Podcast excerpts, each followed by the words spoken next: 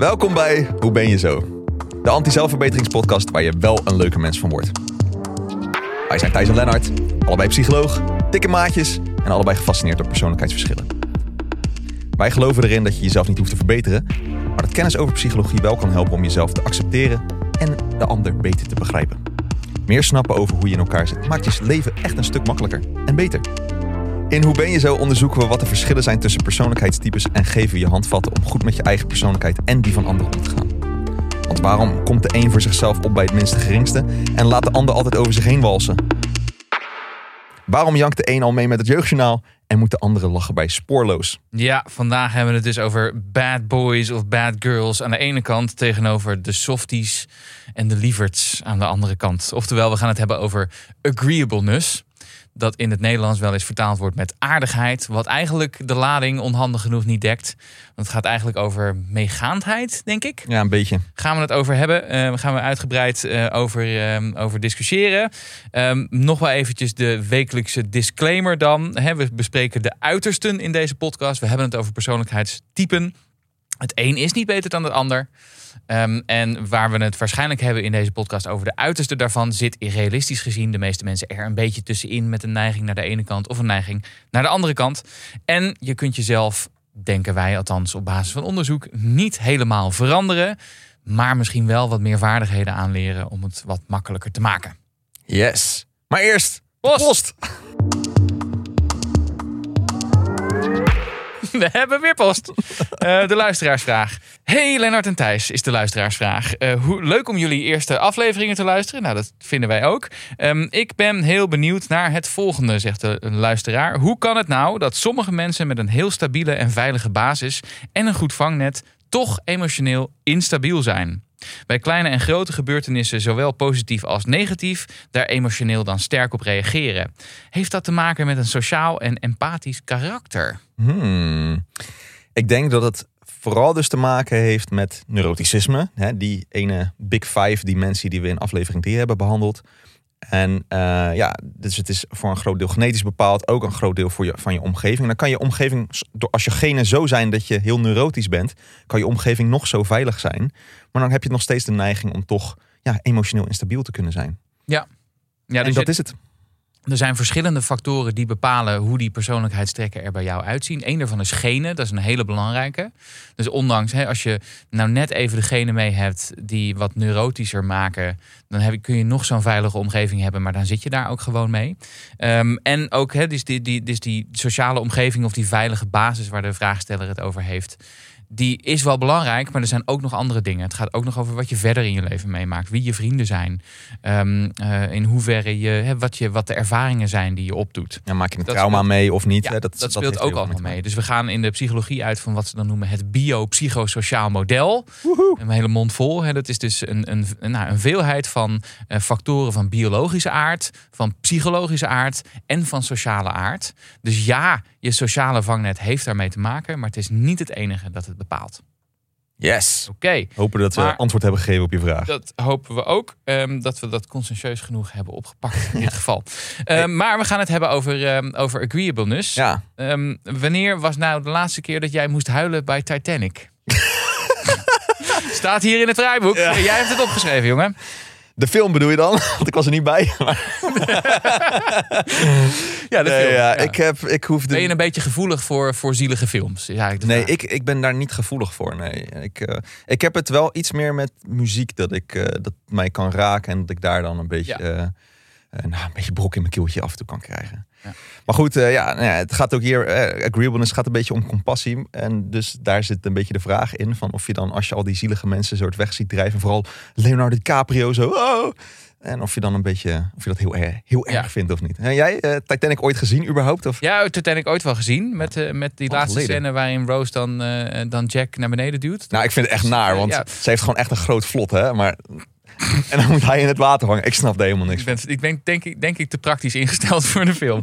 Maar ehm, ik heb ook wel meer bij muziek bijvoorbeeld. Dat ik, eh, er zijn bepaalde nummers waar ik het niet eh, droog kan houden. Nee. Ja, dus dat is. eh, eh, maar dat heeft dan wat minder misschien te maken met dat, dat, het, dat ik heel erg empathie heb voor wat. Nou goed, nou goed. Daar Ja, er zitten wat neuroticisme trekjes daar natuurlijk ook bij. Maar Ja. ik denk dat als je als, als sommige teksten daar kan ik dan de, wel de empathie voor voelen of zo. En dan, dan raakt dat mij. Dus Ja, daar ja, heeft het een ja. beetje mee te maken. Ja, oké. En heb jij wel eens last van plaatsvervangende schaamte bij een film of bij een serie? Ja. Ik heb dat best wel veel. je hebt heb veel van die Britse comedies waar dan eh, die draaien voornamelijk op plaatsvervangende schaamte. Daar ben ik wel gevoelig voor, merk ik. Ja? Dat is ook een beetje die empathiekant. Ja, ja zeker. Ja, Een nice. an- andere vraag. Ehm, stel, je zit in een restaurant. Mhm. Eh, het eten is net gebracht en dat heb je, nou, je, zit, je zit te eten. Ehm, het is niet lekker. Mhm. En aan het einde komt ehm, een, een serveerster naar je toe. Jong meisje nog, net begonnen met werken. Waarschijnlijk die vraagt, was alles naar wens? Wat zeg je dan? Ja, ik ben heel geneigd om te zeggen, ja hoor. Precies. Ja. Maar dan geen fooi te geven. Weet je, zo... Oh, precies. Meer passief-agressief eigenlijk. Ja, dat is een beetje Ja. mijn stijl. Jij gaat er wel wat van zeggen? Nee, ik, ehm, ik denk wel dat je, dat je aan mijn blik kunt zien dat ik, dat ik dan er niet heel erg blij mee ben. Maar ik ga niet zeggen eh, dat van ik was, het was helemaal niks. En be- begin maar eens even opnieuw. En jullie, kunnen allemaal niks. Dat niet. Ehm, maar ik heb wel bijvoorbeeld, ik, ik heb familieleden. Die, dat, die, die dus gewoon niet kunnen zeggen, ehm, nou, die, die dan niet hun mond kunnen houden. En zegt, nou, heeft, was alles naar wens? Nou, ik heb nog een paar punten, zeg maar. En dan komt een lijst. Dan komt de lijst, ja precies. ja, nou, waarom, waarom, hebben deze, waarom stellen we deze vragen? Omdat we het gaan hebben over agreeableness. Yes. Over meegaandheid in het Nederlands. Of aardigheid.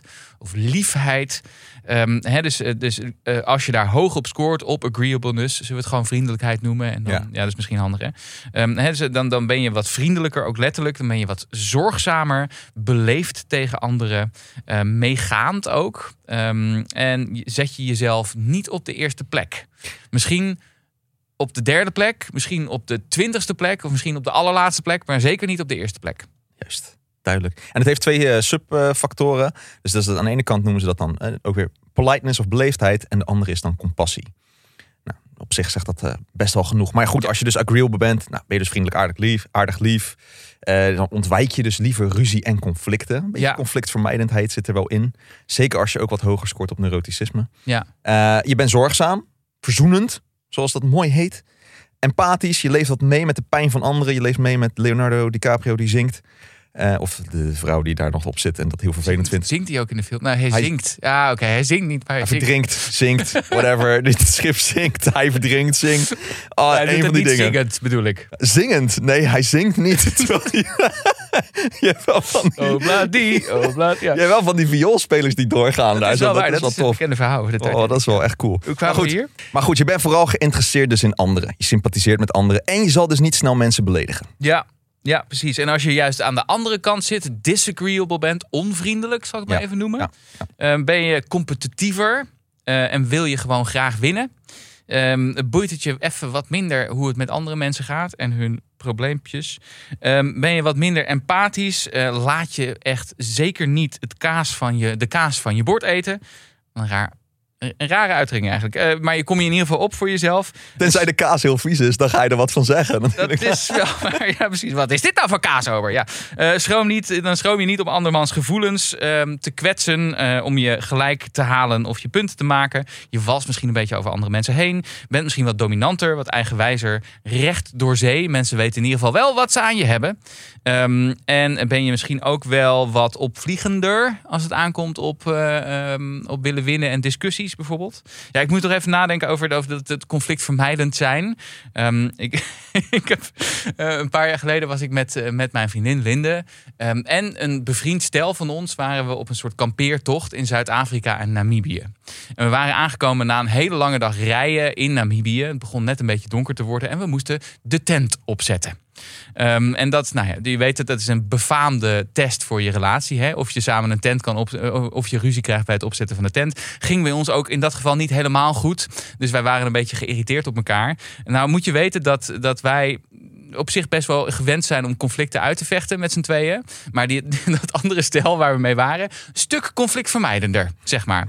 Ehm, dus, en daarna gingen we dan eten, want het moest ook nog voor een bepaalde tijd. Dus we waren in die boosheid, energie naar elkaar toe, waren we aan, het, aan de gezamenlijke eettafel. Dus wij wilden dat conflict wel eens even uitpraten. Van, nou, dat gebeurde dat en dat vond ik niet leuk en dat vond jij niet leuk. In dat gesprek zagen wij onze vrienden steeds dieper de menukaart induiken. Alsof dat het interessantste was dat ze ooit hadden gezien.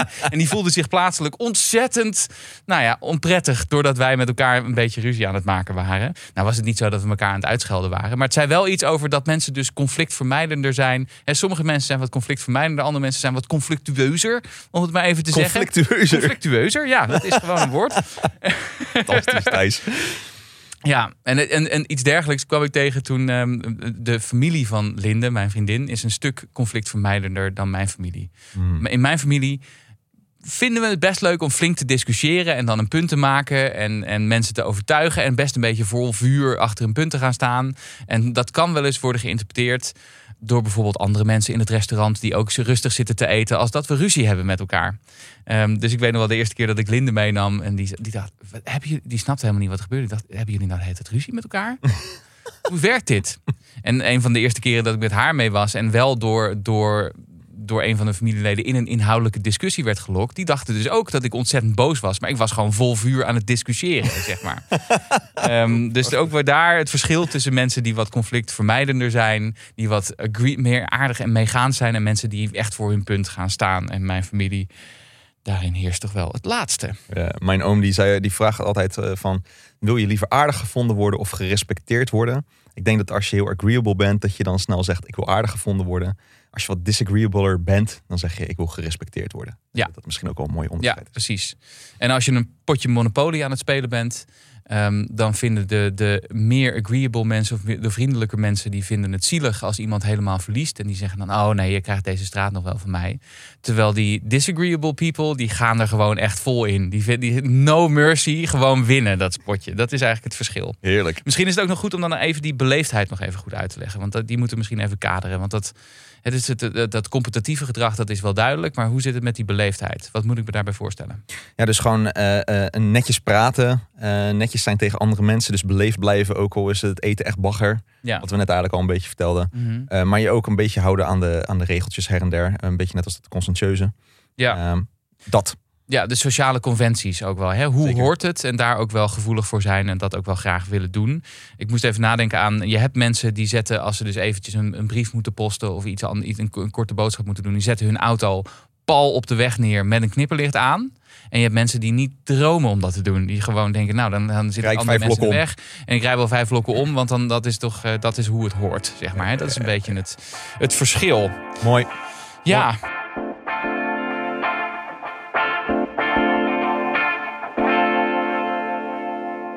Um, bekende en minder bekende, nou, bekende mensen met, uh, met, die, die hoog vriendelijk zijn en juist wat minder vriendelijk. Ja, ik moet altijd gelijk denken aan van die Disney-figuurtjes. Weet je, weet ik voor Olaf van uh, Frozen, weet je, die, die, die sneeuwpop. Ik weet niet of je dat of je Frozen gekeken. Ja, ik heb. Delen. Nou ja, oké, okay, uh, Winnie de Pooh zegt dat je wel wat. Nou, ja, is, wel. Ja, zeker. Die is vrij vriendelijk voor iedereen en alles en heel lief. Of Assenpoester. die doet natuurlijk alles en nog wat om iedereen te een beetje pleaserig ook wel. Dat zit er natuurlijk ook een beetje bij agreeable in. Heel vriendelijk, heel lief, aardig voor iedereen. Ja. De vogeltjes vinden, ze, vinden Assenpoester zelf lief. Nou, wat, meer, wat wil je nog meer? Ja, ik zat ook nog te denken aan Brene Brown. Hè, dus de, degene, de psycholoog. Ik weet niet of ze psycholoog is of in ieder geval sociaal wetenschapper. Die zich Ja. inzet voor meer kwetsbaarheid in bedrijven. Ja. Kwetsbaarheid kunnen tonen. De kracht van kwetsbaarheid, eh, die kant. Nou, dan moet je wel enigszins hoog daarop scoren. Ja, ik vind Nathan Rutjes vind ik ook nog een fantastisch voorbeeld. Eh, Wie voor- is Nathan Rutjes? Ja, een voetballer met dat matje. Ja, ja, dat zegt jou. Ja, kijk, dus Nee. helemaal geen voetbal. Ik kijk eigenlijk ook geen voetbal, maar ik. Maar wel Nathan Nathan Rutjes- Rutjes. Nathan Rutjes ken ik dan wel. Gewoon een super lieve vent. Die gaat dan ook na de, in de beschouwing van, de, van zo'n voetbalwedstrijd. Gaat hij dan nog even vertellen hoe fijn hij de scheidsrechter vond. En dat het zo'n aardige man was. En dat de tegenpartij zo zijn best heeft gedaan. En onze partij natuurlijk ook. En, nou, zo'n lieve kerel is dat. Ja. En dat komt allemaal uit de grond van zijn hart. Terwijl ik me kan voorstellen dat voor sommige posities binnen het voetbalspel. Je hoort al de academische manier waar ik over praat. Het is niet, dit zit niet in mijn jongen leefwereld. kijkt niet normaal voetbal. Ehm, dat maar eh, ik kan me voorstellen dat voor sommige posities, voor een spits bijvoorbeeld, het best wel handig is om een beetje disagreeable te zijn en voor je eigen gewin te gaan. Verdedigers trouwens ook, want die moeten hard beuken om. Ja, dat is waar. Ja, nee, Oké, dus, eh, nee, er zijn dus ook voordelen aan, eh, aan een laag vriendelijk scoren. Ja, daar komen we zo op. Maar Ja, disagreeable voorbeelden? Ja, dat is een beetje de minder vriendelijke. hè, Dus mensen die lager scoren op vriendelijkheid. Ik moest denken aan de zanger van de Arctic Monkeys, Alex Turner. Ja, die ken ik dan weer niet. Nee, dat is. ken wel Arctic Monkeys, maar- eh, ja, dus dat is de, de muziek is dat, een band uit, Oh. uit eh, Groot-Brittannië. Ja, de Arctic dat, Monkeys. dat ken ik wel, ja. Ehm, en het is wel interessant om eens op te zoeken hoe hij bijvoorbeeld in interviews reageert. Want als hij dus even uit zijn hum is, gaat hij dat niet zitten verbloemen. Zeg maar. als hij het een rotvraag vindt van een, van een journalist, dan kan hij ook gewoon eh, drie, drie seconden aankijken en dan zeggen je weet niet waar je het over hebt, vent. Dat, dat eigenlijk, zeg maar. Of ik heb hier eigenlijk helemaal geen zin in. Wat vind je jezelf van? Dat, dat hele ding. Ehm, iedereen op Twitter, dacht ik. Zit je er zelf op? Of, eh? Eh, nee, maar dat is wel een van de redenen. Dus ik, ik denk dat ik een beetje te, te fijngevoelig ben voor alle ehm, agressie op Twitter. Ehm, maar bijvoorbeeld ook iemand als Sven Kokkelmans, hè, de interviewer, die toch altijd een beetje nou ja, de harde vragen wenst te stellen. En Ja, ja, ook echt een beetje tegen een gast ingaat. En ik moest denken aan Sherlock Holmes. Ja? Sherlock Holmes, die natuurlijk eh, een briljante eh, eh, rechercheur is, een briljante detective is. Maar echt niet zo vriendelijk. En geen geduld voor je heeft als je even in zijn weg staat. Ah, ja, ja. denkt- nee, dat klopt dan wel. Ja. Sherlock Holmes zal niet zo heel snel je verjaardag onthouden. Dat niet. Die, zal gewoon, die is gewoon bezig met zijn eigen ding. En dat. ehm, Ja.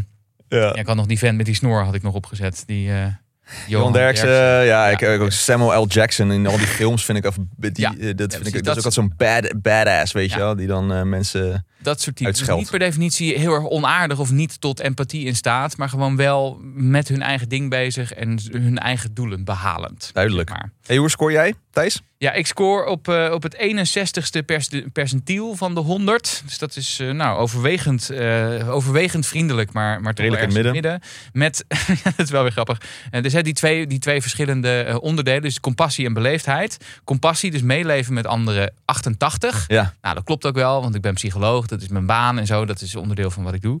Beleefdheid, 21.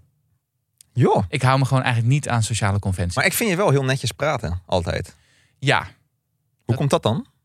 Eh, weet ik niet. Ik weet ook niet of dat daarmee te maken heeft. Maar ehm, ja, dus ik ben, nou, misschien is dat wel interessant. Ik ben dus wel gevoelig voor welk taalgebruik is bij welke sociale situatie Hm. passend. Zeg Misschien maar, meer dat conscientieuzere van jou. Of zo, dat het Ja, goed, dat zou eh, kunnen. netjes in dat opzicht moet zijn, maar wat minder beleefd richting mensen. Oké. Ja, ja, ja, ja. Ja, ik score 46, dus ook een beetje in het midden. Compassie dan 48, dus ook al ben ik psycholoog, blijkbaar ben ik niet. Maar goed, ik ben niet de klinische kant op gegaan, dus misschien dat ik niet zoveel compassie heb voor mensen. Ik zit in het midden, ik ben niet heel onaardig. Eh, en beleefd zit ook eh, in het midden, dus ik zit echt eh, midden-midden scoren. ja. En herken je dat ook in je leven?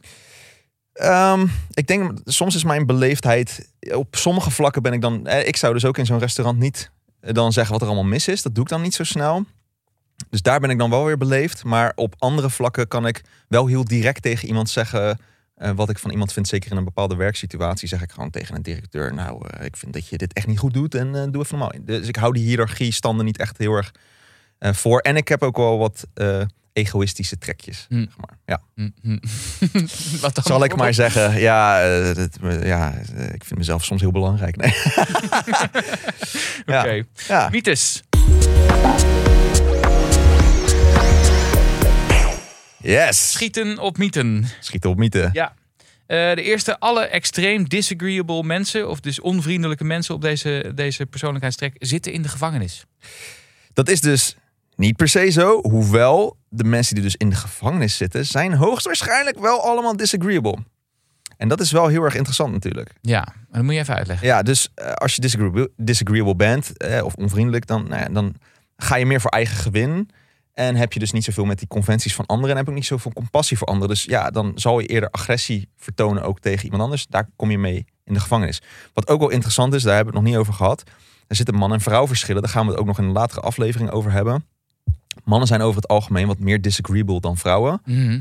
En dat zie je dus ook terug in bijvoorbeeld het gevangenisleven. Dat eh 90% van de mensen die in de gevangenis zit, is man. Heb ik uit eh, betrouwbare bronnen ergens vandaan getrokken. Mhm. En eh, je ziet het ook terug natuurlijk in de zorg, is dat daar veel meer vrouwen ook weer aanwezig zijn. Nou Ja. betekent het niet dat, je als, dat, je, dat er niet disagreeable vrouwen zijn of dat er geen agreeable mannen zijn. Maar de neiging naar die extremiteiten, zeg maar, Ja. eh, zit er wel. ja, dus in het midden zit er heel veel overlap tussen mannen en vrouwen. Heel veel, ja. Als je die groepen tegen elkaar afzet. Ehm, maar hè, dus dat verschil zit er zo in dat waarschijnlijk de aller, aller, aller onvriendelijkste mensen, om het zo maar even te noemen, dat zijn over het algemeen mannen. Yes. Die daar extreem op scoren. En de extreem vriendelijkste mensen zijn over het algemeen zijn, nou, veel waarschijnlijker dat dat vrouwen zijn dan dat dat mannen zijn. Ja, dus als je een beetje in het midden kijkt, inderdaad, dan, zal je, dan is het, ik weet het niet precies, maar volgens mij 45. eh, eh, stel dat je 100 mensen in de kamer, je wil weten in een beetje in het midden van wie meer agreeable is eh, dan disagreeable, dan is de kans dat het 55 vrouwen zijn en 45 mannen agreeable. Weet je, een beetje zo'n mix. Maar als je naar die uiteinden gaat, eh, die extreme, en je pakt 100 extreme disagreeable mensen, dan is waarschijnlijk 90 van die 100 zijn mannen. Ja. En, dat is, dat, en aan de andere kant heb je datzelfde met de vrouwen. En dat is de hele groep psychopaten zit daarin bijvoorbeeld. Hè? Maar goed, daar Yes. komen we nog op terug. Eh, en voordat je, nu, eh, voordat je nu boos in de pen klimt. Nee, wij snappen ook wel dat alle mannen en alle vrouwen niet hetzelfde zijn. En dat, dat het helemaal geen binair ding is. zeker niet. Eh, het gaat hier over gemiddeldes als we het daarover hebben. En ook dat zullen we later in de aflevering speciaal daarover ehm, nog een keer goed uitleggen. Yes. Een ander ding is, een andere mythe, is je hebt niks aan agreeable mensen. Ja, nee, dat is pertinent niet waar. Ehm, je hebt er misschien wat minder aan als je een potje softbal aan het spelen bent in je team. Maar het zijn de mensen die ongelooflijk goed zijn, bijvoorbeeld in het onderwijs. Want dan ben je ook de hele tijd bezig met wat heeft een leerling van mij nodig, bijvoorbeeld. Ehm, die ongelooflijk goed, goed zijn in de zorg en op heel veel andere gebieden. Eigenlijk alles waar een beetje mensenkennis en een beetje empathie voor nodig hebt. Daar shinen de mensen die ju- juist heel hoog scoren op vriendelijkheid. Extreme daarvan hebben natuurlijk ook weer hun risico's. Maar daar komen we zo nog op terug. Ehm, eh, de beste leiders zijn disagreeable. Ja, dus eh, er wordt best wel veel in de literatuur dat, je, eh, s- dat bepaalde CEO's die moeten eh, een beetje ellebogenwerk vertonen en die moeten voor hun mannetje staan eh, om een bedrijf omhoog te trekken. Maar als je kijkt naar leiderschap, eh, dan eh, zijn het niet de, de macho's en de, de, de op de borst kloppers die het vaak het beste op de lange termijn doen, maar juist de mensen die wat meer agreeable zijn en compassie hebben voor hun mensen en mensen heel erg meenemen. Dat zijn de meest inspirerende leiders. Denk een beetje aan Nelson Mandela, die een hele vriendelijke man schijnt te zijn geweest ook. Eh, nou, die, die, dat zien we als een goede leider. Ja, ja, precies.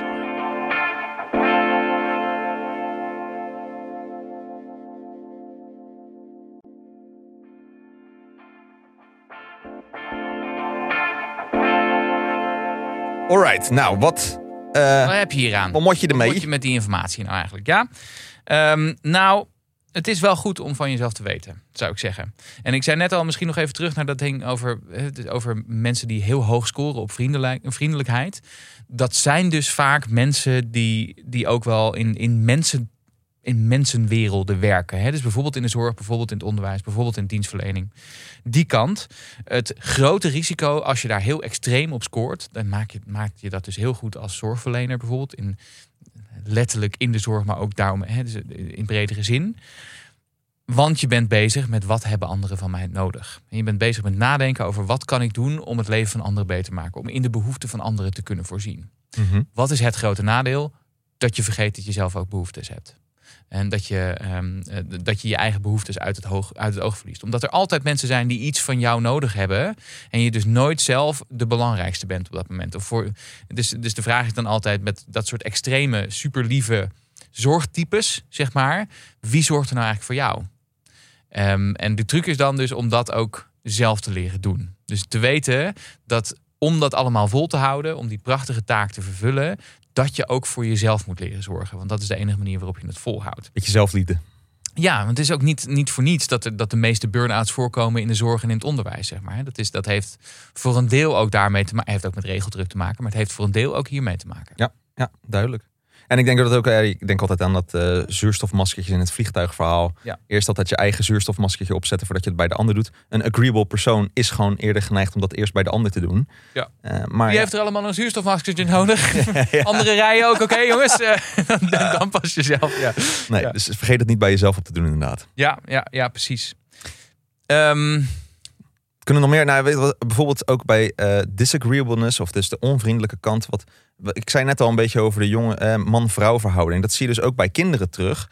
En eh, wat daar wel interessant is, dat jongetjes worden tegenwoordig natuurlijk best wel gemaand om in de klas stil te zitten en rustig te doen. En als jongetjes gaan vechten met elkaar, dan is dat altijd misschien een dingetje. Maar die hebben dus een iets meer een neiging om wat agressie naar elkaar te vertonen, omdat ze richting die onvriendelijke of disagreeable kant al neigen. mhm. En soms moet je dat dus ook een beetje laten gaan. Want dat is eigenlijk schijnt dat ook best wel goed te zijn voor ja, het volwassen worden en ook hun agressie ook in toom te houden op latere leeftijd. Rough and tumble play. Yes. Heel belangrijk om erachter te komen Ik doe dat waar je kracht ligt. Ik doe dat heel Maar- vaak met mijn zoontje. Die vindt dat fantastisch. Als ik dan zeg, "Oh, papa gaan we even stoeien. En dan moet altijd op het grote bed, want dat is dan lekker zacht natuurlijk. Dus dan Ja. valt hij niet zo hard. Maar dat vindt hij fantastisch. En dan is hij zijn energie weer kwijt. Maar dat schijnt echt super goed te zijn inderdaad.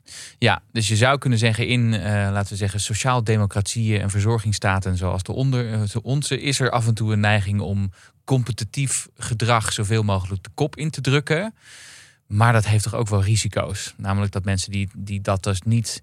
Die zien dat dat niet toegestaan is, die, die, die worden daar heel ongelukkig van. En Ja, en die gaan- die neiging niet kwijt. En die gaan het dus op andere manieren dus uiten die niet constructief zijn voor de samenleving. Dus daar Ja. moeten we mee oppassen. Ja, precies. De hooligan club van je andere van je de tegenstander team in elkaar mappen en zo. Ehm, ja, er, er is ook nog een donkere kant aan empathie die misschien wel even goed te bespreken is. Eh, want hè, dus empathie daar ben je dan heel goed in als je heel hoog scoort op, op vriendelijkheid, maar het is niet altijd de goede oplossing. Eh, er zijn namelijk ook best wel risico's aan empathie. Vertel. Ehm, bijvoorbeeld, nou, ik moet denken aan, aan ik, volgens mij haal ik in elke aflevering een anekdote over mijn tijd bij de universiteit als docent. Nou, ik had toen ook, eh, hè, dus, dat waren dus eh, psychologen en ook nog eens docenten. Dus dat zijn ook best wel behoorlijke hè, vriendelijke types. Mijn collega's dan. En ik, we, hadden soms best wel lastige discussies ehm, in het docententeam.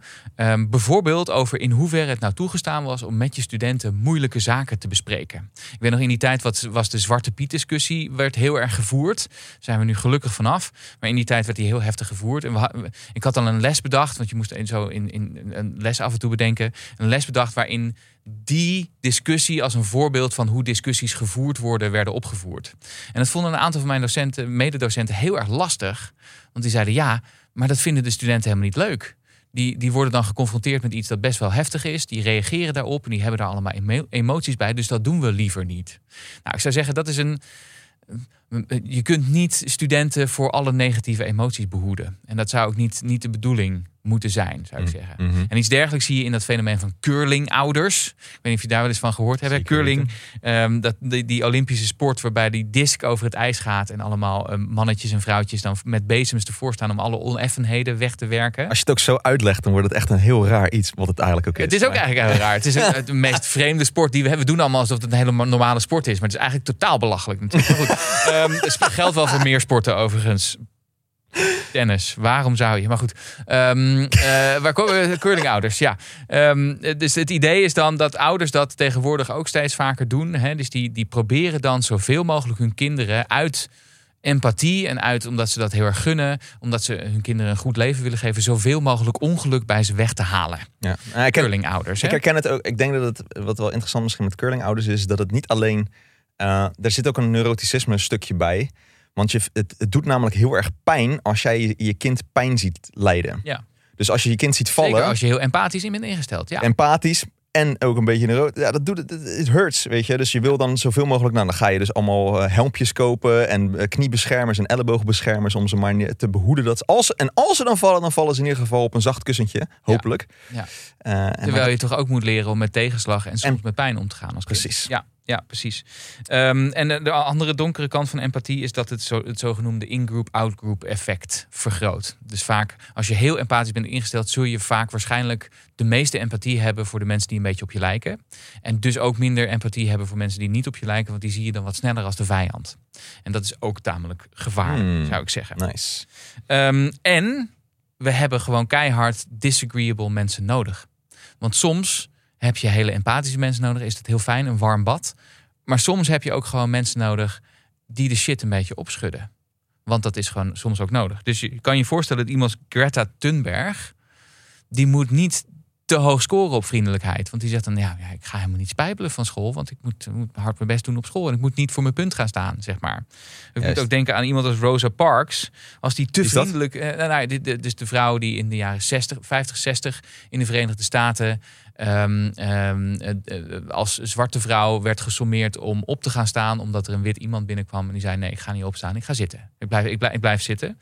Nou, als die heel erg beleefd was geweest en wel was opgestaan... dan was dat nooit zo aan de kaart gesteld. Ja, ja, ja. Dus je hebt eh, ook soms disagreeable mensen nodig... om de dingen een beetje op te schudden. Ja, ik kan me ook altijd zo'n dilemma voorstellen van... eh, eh, eh, zorg ervoor dat als er, als er 100 mensen sterven, dat je dan een miljoen mensen redt. Mhm. Weet je wel, nou, een agreeable persoon gaat daar heel veel moeite mee hebben om dan daar een beslissing in te maken. Waarbij je dan toch een disagreeable persoon nodig hebt om die knoppen eventueel in te drukken. Nou is dat niet misschien het geweldigste voorbeeld. Maar, Nee. maar er zijn inderdaad, als je dat natuurlijk veel kleiner en, en, en misschien in organisaties of in, in de samenleving heb je inderdaad die disagreeable mensen nodig. Die af en toe een, een lastige beslissing durven te maken. Ja. Eens. Stel nou dat je heel vriendelijk bent ingesteld, heel erg hoog scoort op agreeableness, dan kun je daar best last van hebben. Ehm, bijvoorbeeld als je moet onderhandelen over hoeveel geld je wil verdienen met een werkgever. Want die zegt dan, oh, je, moet, je gaat dit verdienen. En als jij dan niet zegt, nou, ik wil eigenlijk meer verdienen, dan denkt de werkgever, oké, dat is lekker makkelijk, fijn, iedereen blij. Ehm, dus soms moet je voor jezelf opkomen. Ehm, en wat, wat kun je dan doen? Nou, wat ik altijd een leuke tip vind, als je dus nee zeggen hè, tegen dingen, als je dat wil oefenen. Nou, loop gewoon een willekeurige ehm, winkelstraat binnen op een zaterdag. Dan heb je altijd straatverkopers.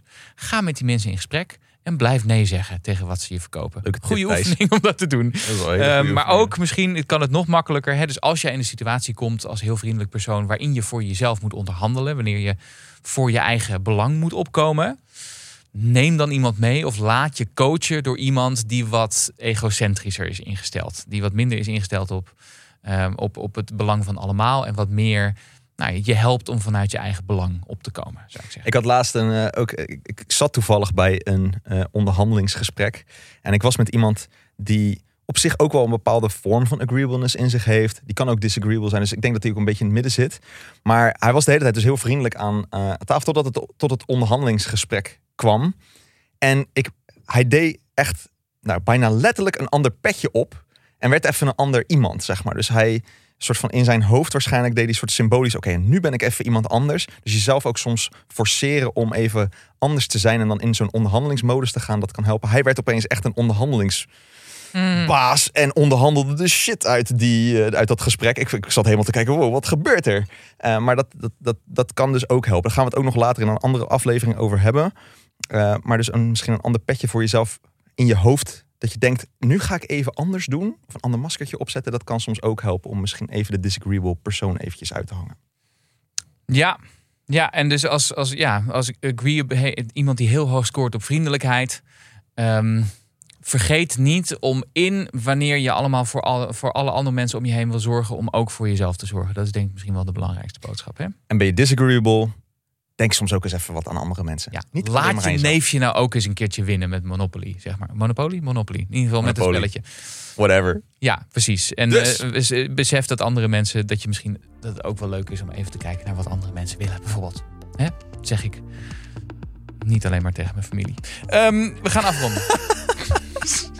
Nou, als je iets over jezelf hebt geleerd in deze aflevering, laat het ons natuurlijk weten via de socials. Eh, je kunt ons vinden op Instagram onder de naam Hoe ben je zo podcast. En op TikTok ook onder diezelfde naam. We zijn natuurlijk heel benieuwd wat je hier allemaal uit geleerd hebt. Of je eh, vindt dat je zelf heel disagreeable bent. Of dat je super, super vriendelijk bent. Eh, geef ons vooral een vriendelijke comment, zou ik zeggen. Ja, precies. En abonneer je en eh, eh, dat soort dingen. Zorg dat je op de hoogte wordt gehouden wanneer er weer een nieuwe aflevering is. Dat vinden we allemaal leuk. En onthoud, nee, je hoeft jezelf niet te verbeteren. Een leuker leven begint wel bij meer kennis over jezelf en anderen. En het idee opgeven dat je anders moet zijn dan je al bent. En dat geldt voor de Rutjes en voor de Edgar Davids. Zie je? Ik weet ook wel iets van voetbal. Wauw.